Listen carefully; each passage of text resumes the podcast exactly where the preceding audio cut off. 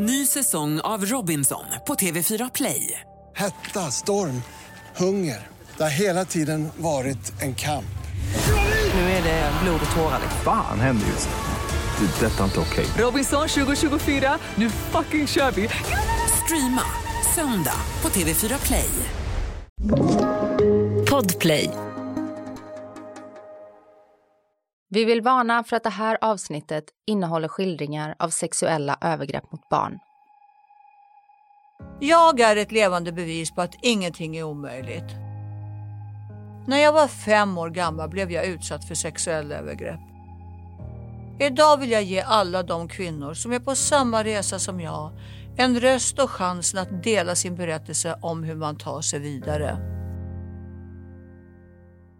I det här avsnittet träffar vi 42-åriga Hanna som berättar om hur hon utsattes för sexuella övergrepp av sin pappa under barndomen. Hanna minns hur hon ligger i sin säng och trycker täcket hårt runt sin femåriga kropp i ett försök att skydda sig mot sin förövare. Och då växte ju liksom en känsla i kroppen när han stimulerar mig eh, tills, tills jag får orgasm. Och det har varit en sån fruktansvärd skam och äckel som jag har känt inför det. För han fick mig att känna mig delaktig i övergreppen. Hanna jobbar idag som socionom för en stödorganisation för personer som har varit utsatt för sexuella övergrepp i barndomen. Idag vill Hanna dela sin berättelse för att ta bort den skuld och skam hon själv så länge burit på.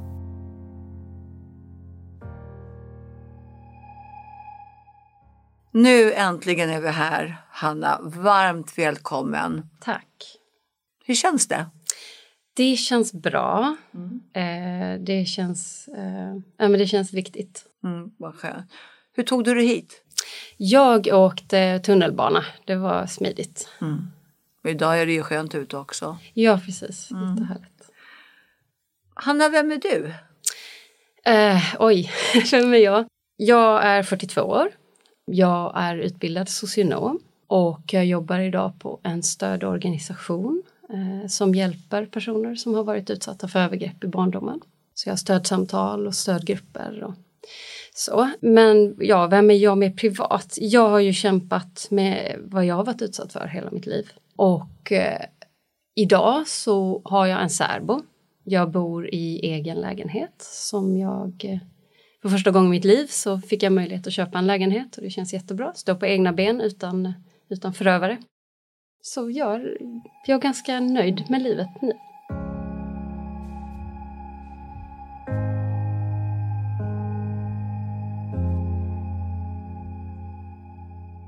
Hur började ditt liv?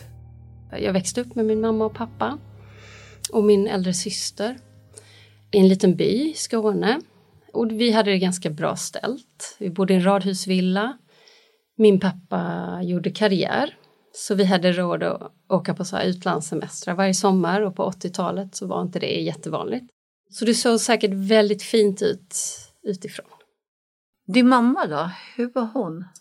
Min mamma var ju väldigt kärleksfull och hon såg ju väldigt mycket fram emot ett familjeliv. Hon har själv vuxit upp ganska tufft. Så att hon var ganska osäker på sig själv, trodde inte hon kunde stå på egna ben. Och hon kände sig sedd när hon träffade eh, min pappa då.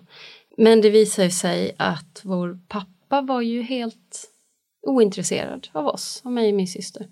Hur ställde sig din mamma till det? Hon ville ju att han skulle intressera sig för oss. Så hon pushade honom, så hon berättade för mig att ah, nej, men jag, jag var ju så bekymrad så, för jag ville ju verkligen att han skulle engagera sig. Så, så jag pushade honom och sa att nu får du eh, natta barnen.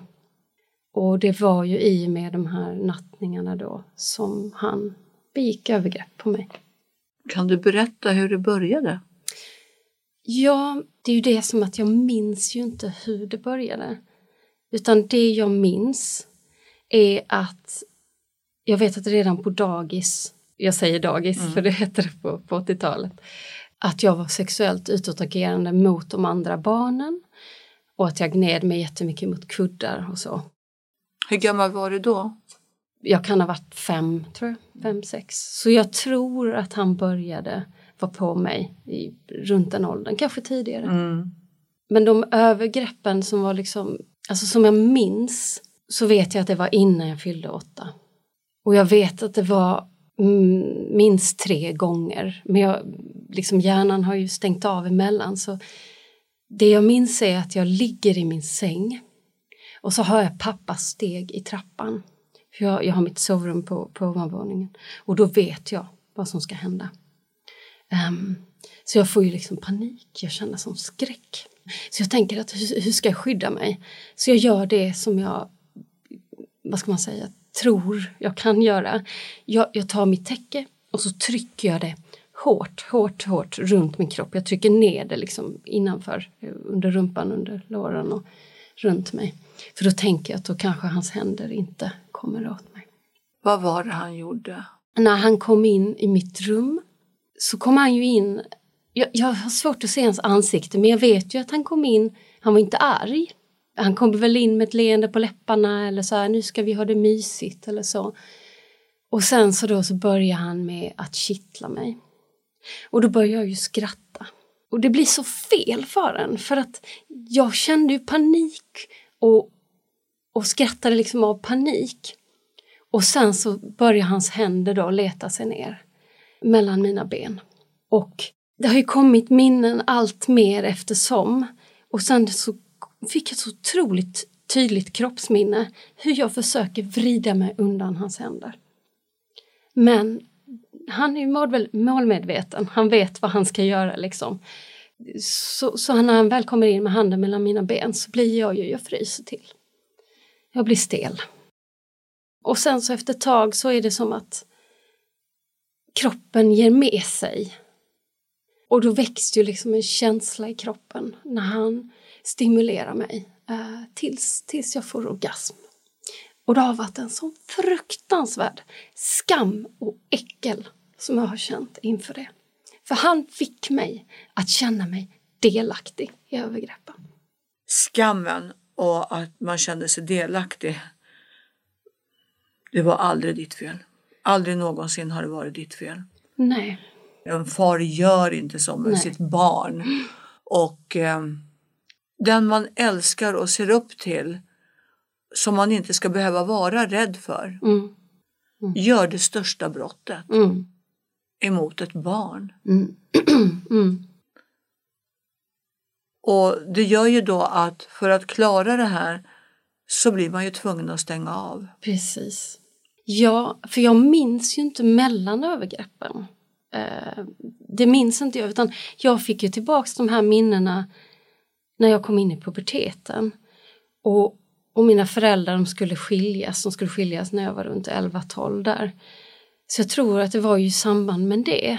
För att jag under min uppväxt så som sagt, jag, jag fortsatte ju med det här med gnida mig mot kuddar och nästan alla mina lekar jag skulle leka skulle gå ut på att jag skulle onanera. Och det blev liksom tvångsmässigt. Och varenda gång efteråt jag var klar så kände jag som fruktansvärt skam och äckel över mig själv. Så det här, jag hade ju det här skammen och äcklet men jag visste ju inte var det kom ifrån. Så när jag kommer in i puberteten och det händer ju saker i kroppen och så så, så började jag säga, men var kommer det här ifrån? Liksom? Och då var det som att minnena bara sköljde över mig i vågor och jag bara, men gud, han har gjort det här mot mig. Liksom så, eh, paniken. Och då kom också skuldkänslorna, för då kände jag så här, men jag sa ju inte nej. Jag kämpade ju inte emot. Och jag trodde ju att det, det är så man ska göra.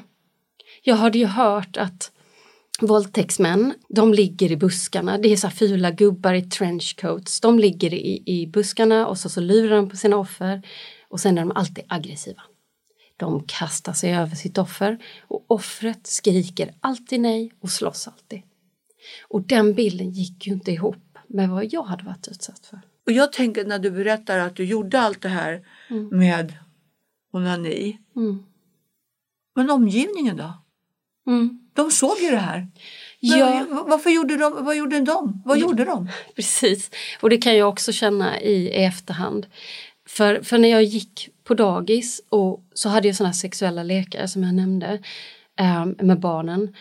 Um, och en gång så var det en av barnen som gick till lärarinnan, eller till, till dagisfröken som det hette då och, och sa till henne vad vi hade gjort.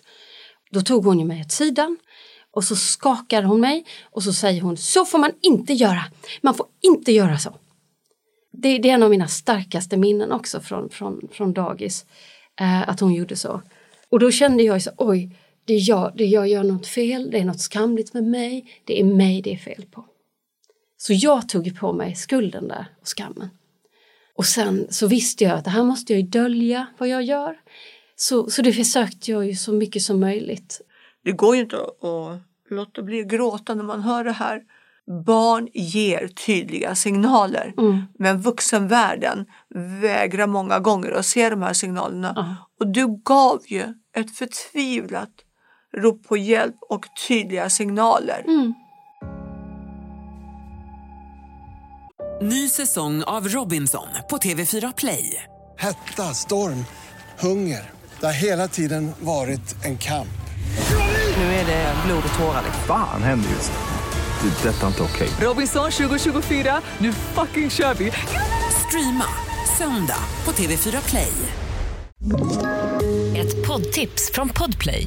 I fallen jag aldrig glömmer djupdyker Hasse Aro i arbetet bakom några av Sveriges mest uppseendeväckande brottsutredningar går vi in med hemlig telefonavlyssning och, och då upplever vi att vi får en total förändring av hans beteende. Vad är det som händer nu? Vem är det som läcker? Och så säger han att jag är kriminell, jag har varit kriminell i hela mitt liv men att mörda ett barn, där går min gräns. Nya säsongen av Fallen jag aldrig glömmer på Podplay.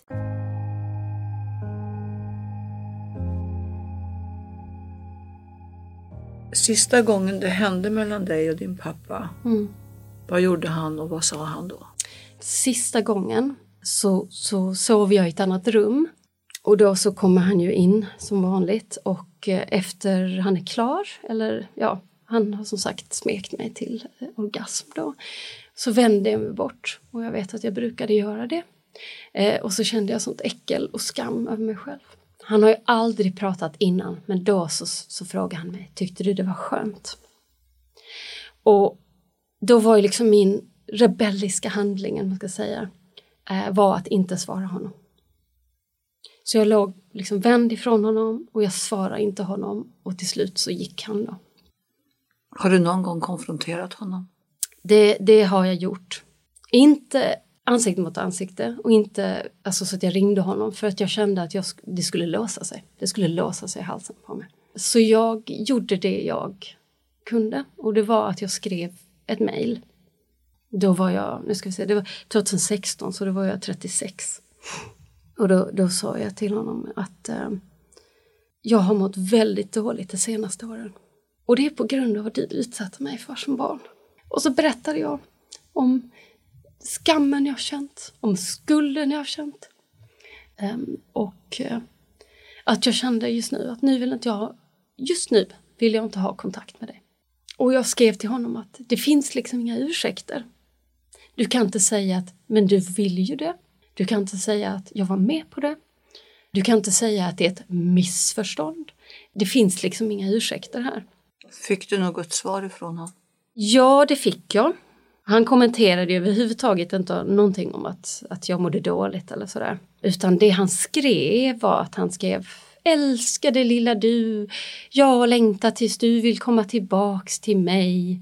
För jag tycker så mycket om dig. Och, och så så att, så att han, han fokuserar liksom bara på sig själv och, och vilken fantastisk människa han är som älskar mig. Liksom. Så att,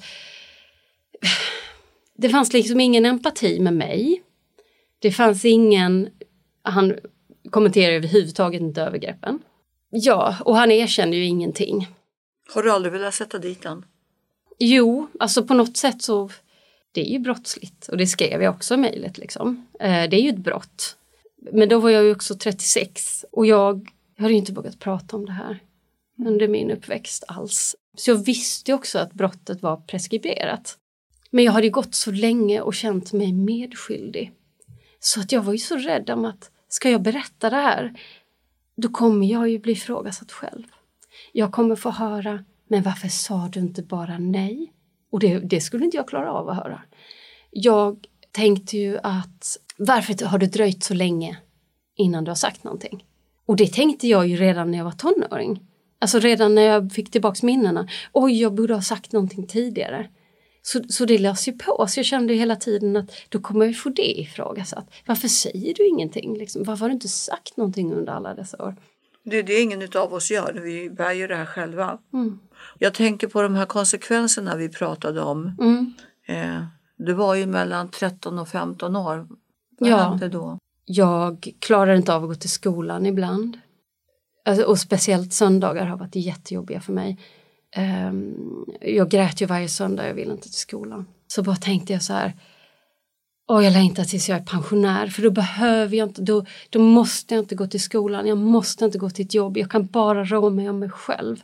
Jag behöver liksom inte möta andra människor, eh, jag behöver inte ta ansvar för andra människor. För jag kände ett sånt otroligt ansvar. Jag kände ansvar för, för allting och alla. Så, så jag önskade redan som 13-åring att jag skulle bli pensionär.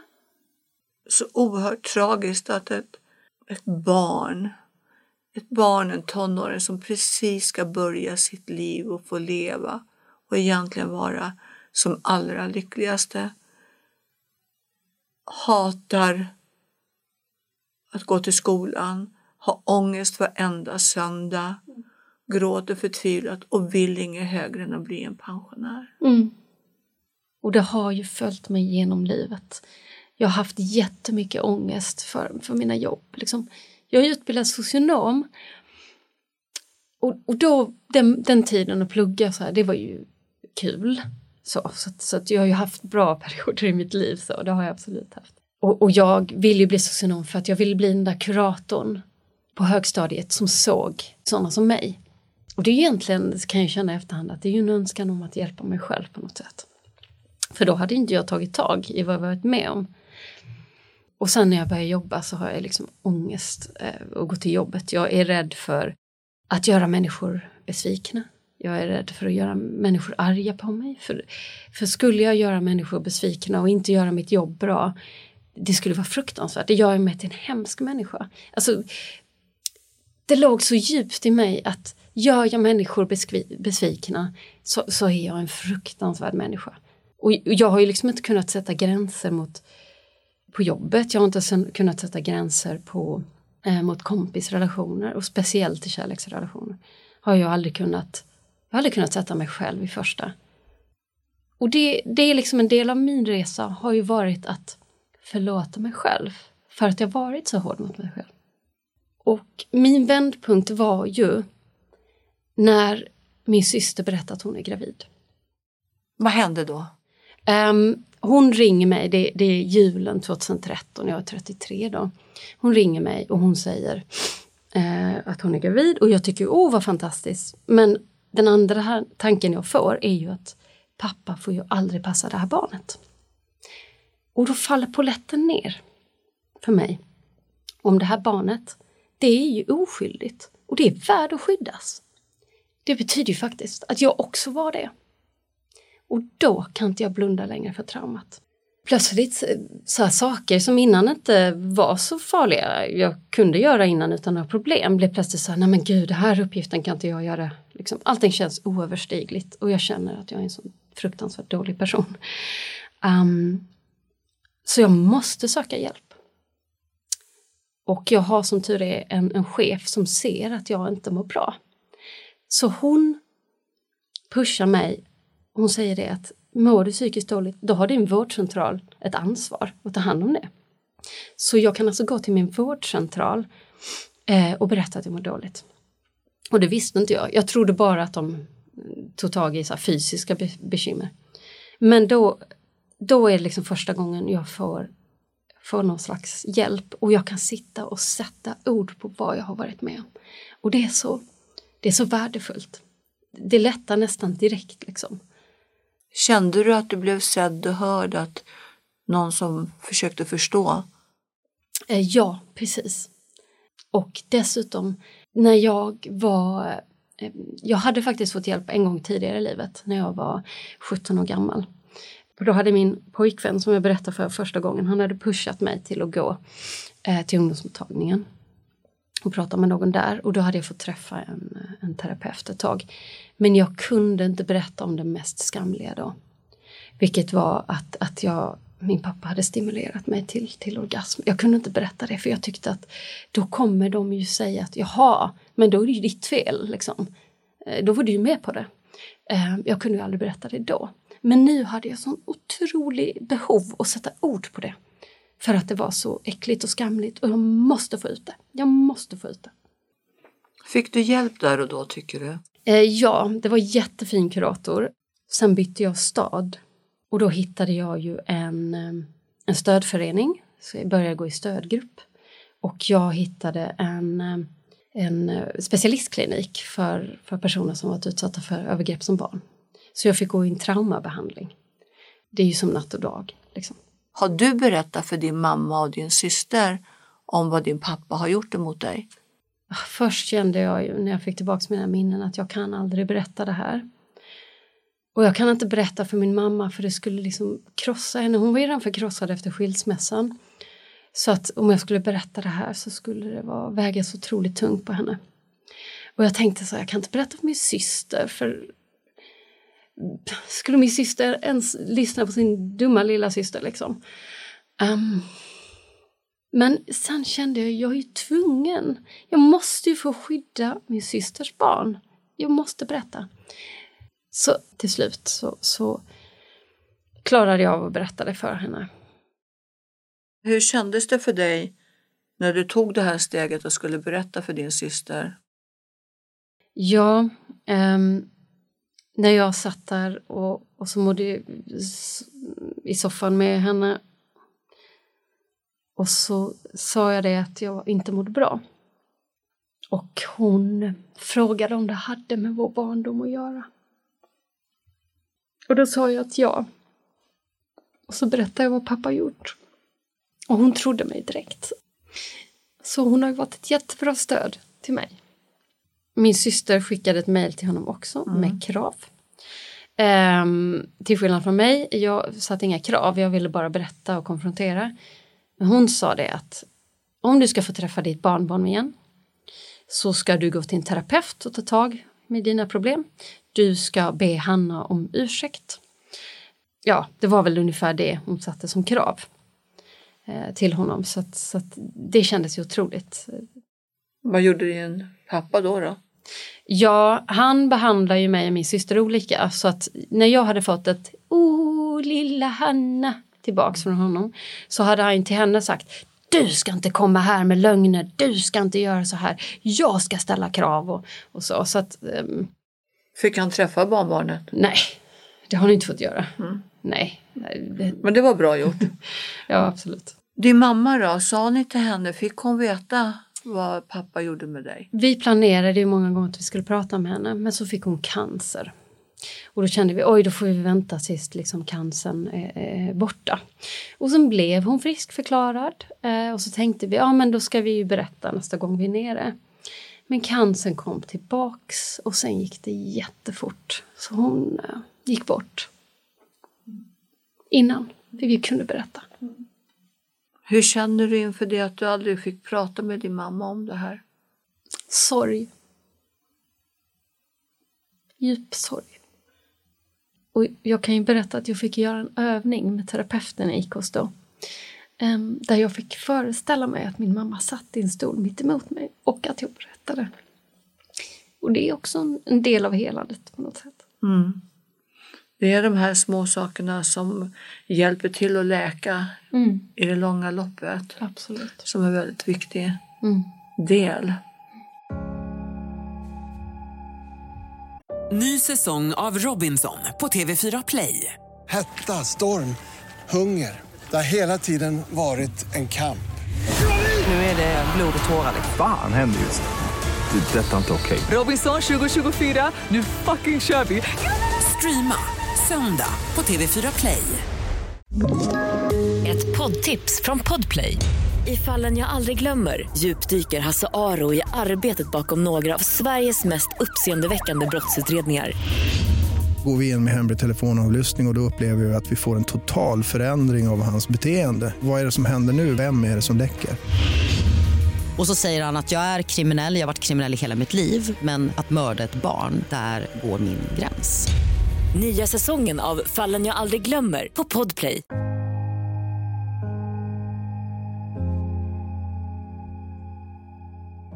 Hur känner du dig idag? Idag, um, om jag ska jämföra mig själv med, med tio år sedan, blir det väl ungefär, ja så, så mår jag ju så otroligt mycket bättre. Um, jag har ett jobb som ger mig väldigt mycket, som jag inte har ångest för. Utan att hjälpa andra som har varit utsatta är ju, ja det är så läkande. Och jag har en pojkvän. Um, och vi är så måna om varandra. Och jag har lärt mig att sätta gränser. Och det gjorde jag bland annat i mitt jobb. Um, för, det, för det är jätteviktigt. um, så, så jag har ju kommit väldigt långt. Om du ser på ditt liv idag då, Mm. med relationen du har idag. Mm. Hur ser den ut och hur känns den tycker du? Um, otroligt fin. Han lyssnar på mig. För det första så, så hade jag ju redan bearbetat mesta liksom, av mina övergrepp när jag träffade honom. Så att det var ganska tidigt i vår, när vi började dejta eller vad man ska säga, som, som jag berättade det här för honom. Och jag tror att det är en del av det varför vi kommer så nära också, är för att vi kan prata om de här sakerna. Jag har ju kunnat sätta ord på saker som jag inte kunnat göra innan i tidigare relationer. Eh, till exempel, jag har ju vissa triggers. Eh, till exempel i, i, intimitet så finns det vissa triggers jag har. Och de har jag kunnat vara helt tydlig med. Du får inte göra så här eller så här för det kommer trigga mig. Han har ju också en jobbig uppväxt. Så vi kunde ju mötas i våra trauman. Så vi var otroligt måna om varandra. Och sen gav han mig så mycket utrymme. Så vi började, vi började träffas och första gången vi träffades så sa jag så att jag, jag är inte intresserad av monogam relation som det är just nu. Liksom. Jag vill inte ha något sånt. Eh, jag behöver liksom mitt space, jag behöver sådär. Och han, han var så ja absolut. Men så, så kände vi att det var ju någonting med varandra så vi fortsatte träffas. Och sen efter ett tag så, så sa han det att ja nu känner jag att det börjar ju bli mycket känslor. Så att antingen så får vi nog avbryta, vi kan ju vara vänner och så, men antingen får vi avbryta eller så, så vill jag nog att vi ska vara monogama. Liksom. Men ingen, alltså du får göra precis som du känner och oavsett så stödjer jag dig det beslutet. Det har inte jag fått innan. Um, så jag tänkte så här, men då vill jag testa. Jag vill testa. Är det okej okay om vi har liksom en testperiod? Och då sa han att ja men det går bra. Um, och sen efter några månader så kände jag ju att nej men det här är ett fantastiskt sätt. Och där är ni nu? Ja, tre år ungefär mm. har vi varit tillsammans. Tror jag. Absolut. Hur tänker du om framtiden? Ja, hur tänker jag om framtiden? Um, Hur ser du på den?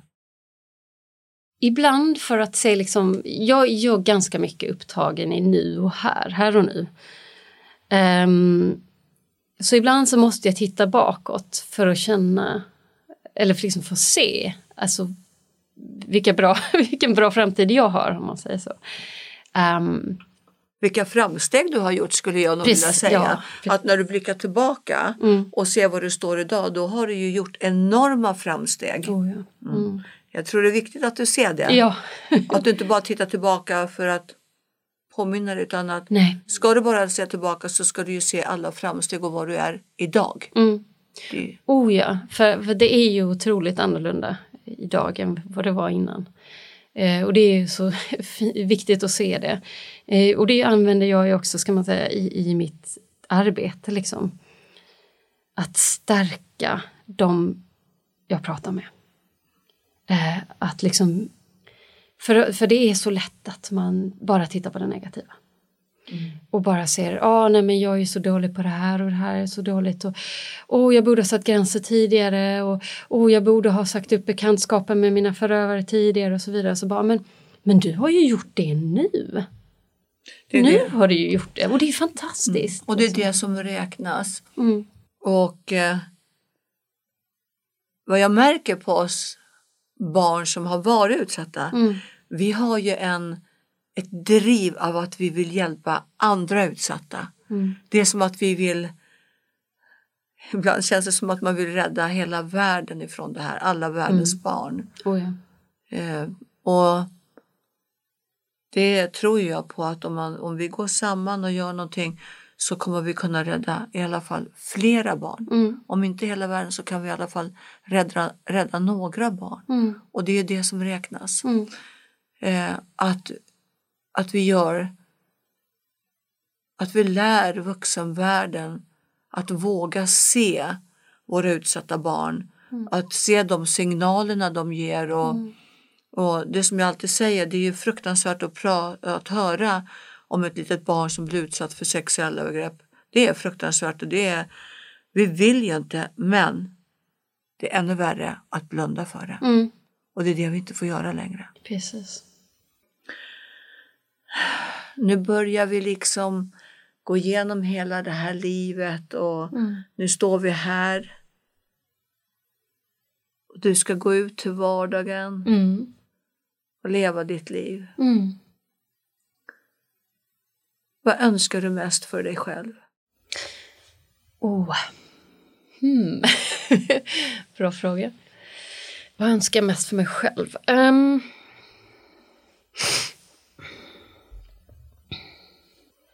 Eh, någonting jag känner är att jag vill stå upp för mig själv.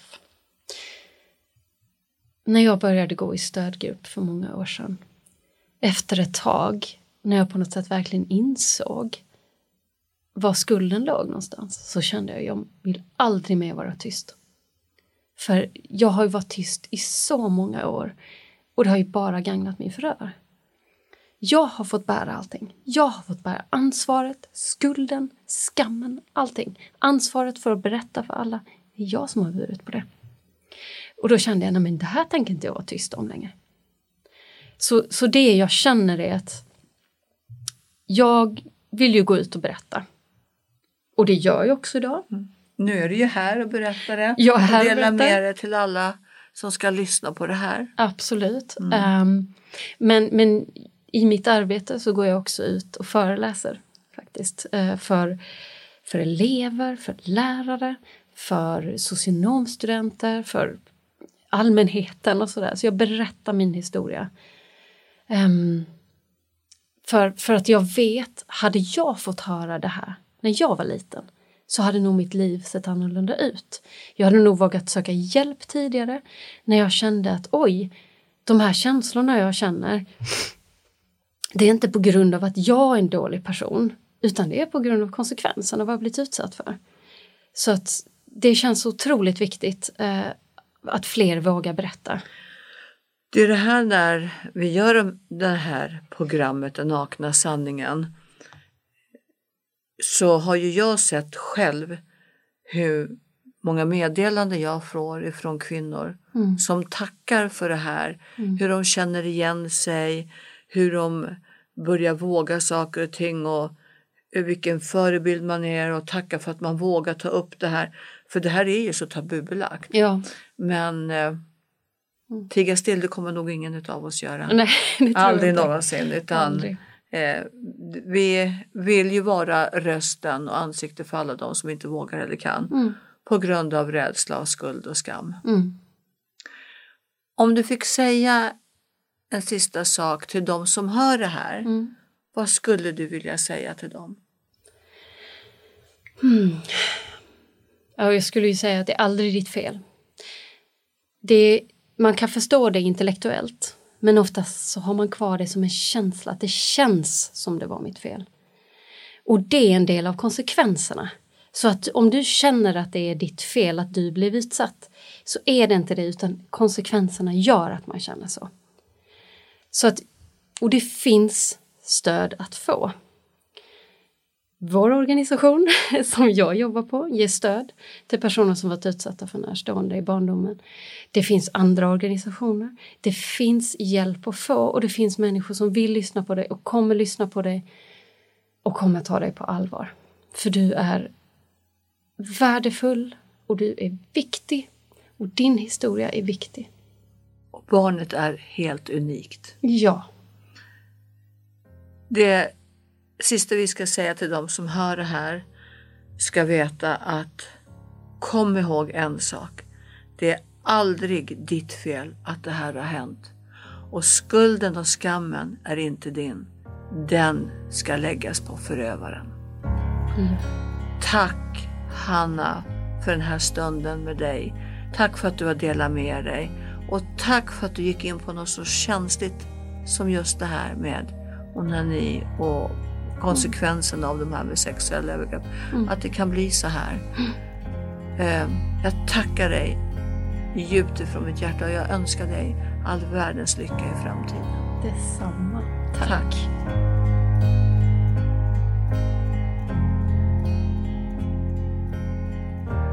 Om du vill prata med någon om dina upplevelser eller har frågor om våld i nära relationer och sexuella övergrepp kan du kontakta Kvinnofridslinjen på nummer 020 50 50 50.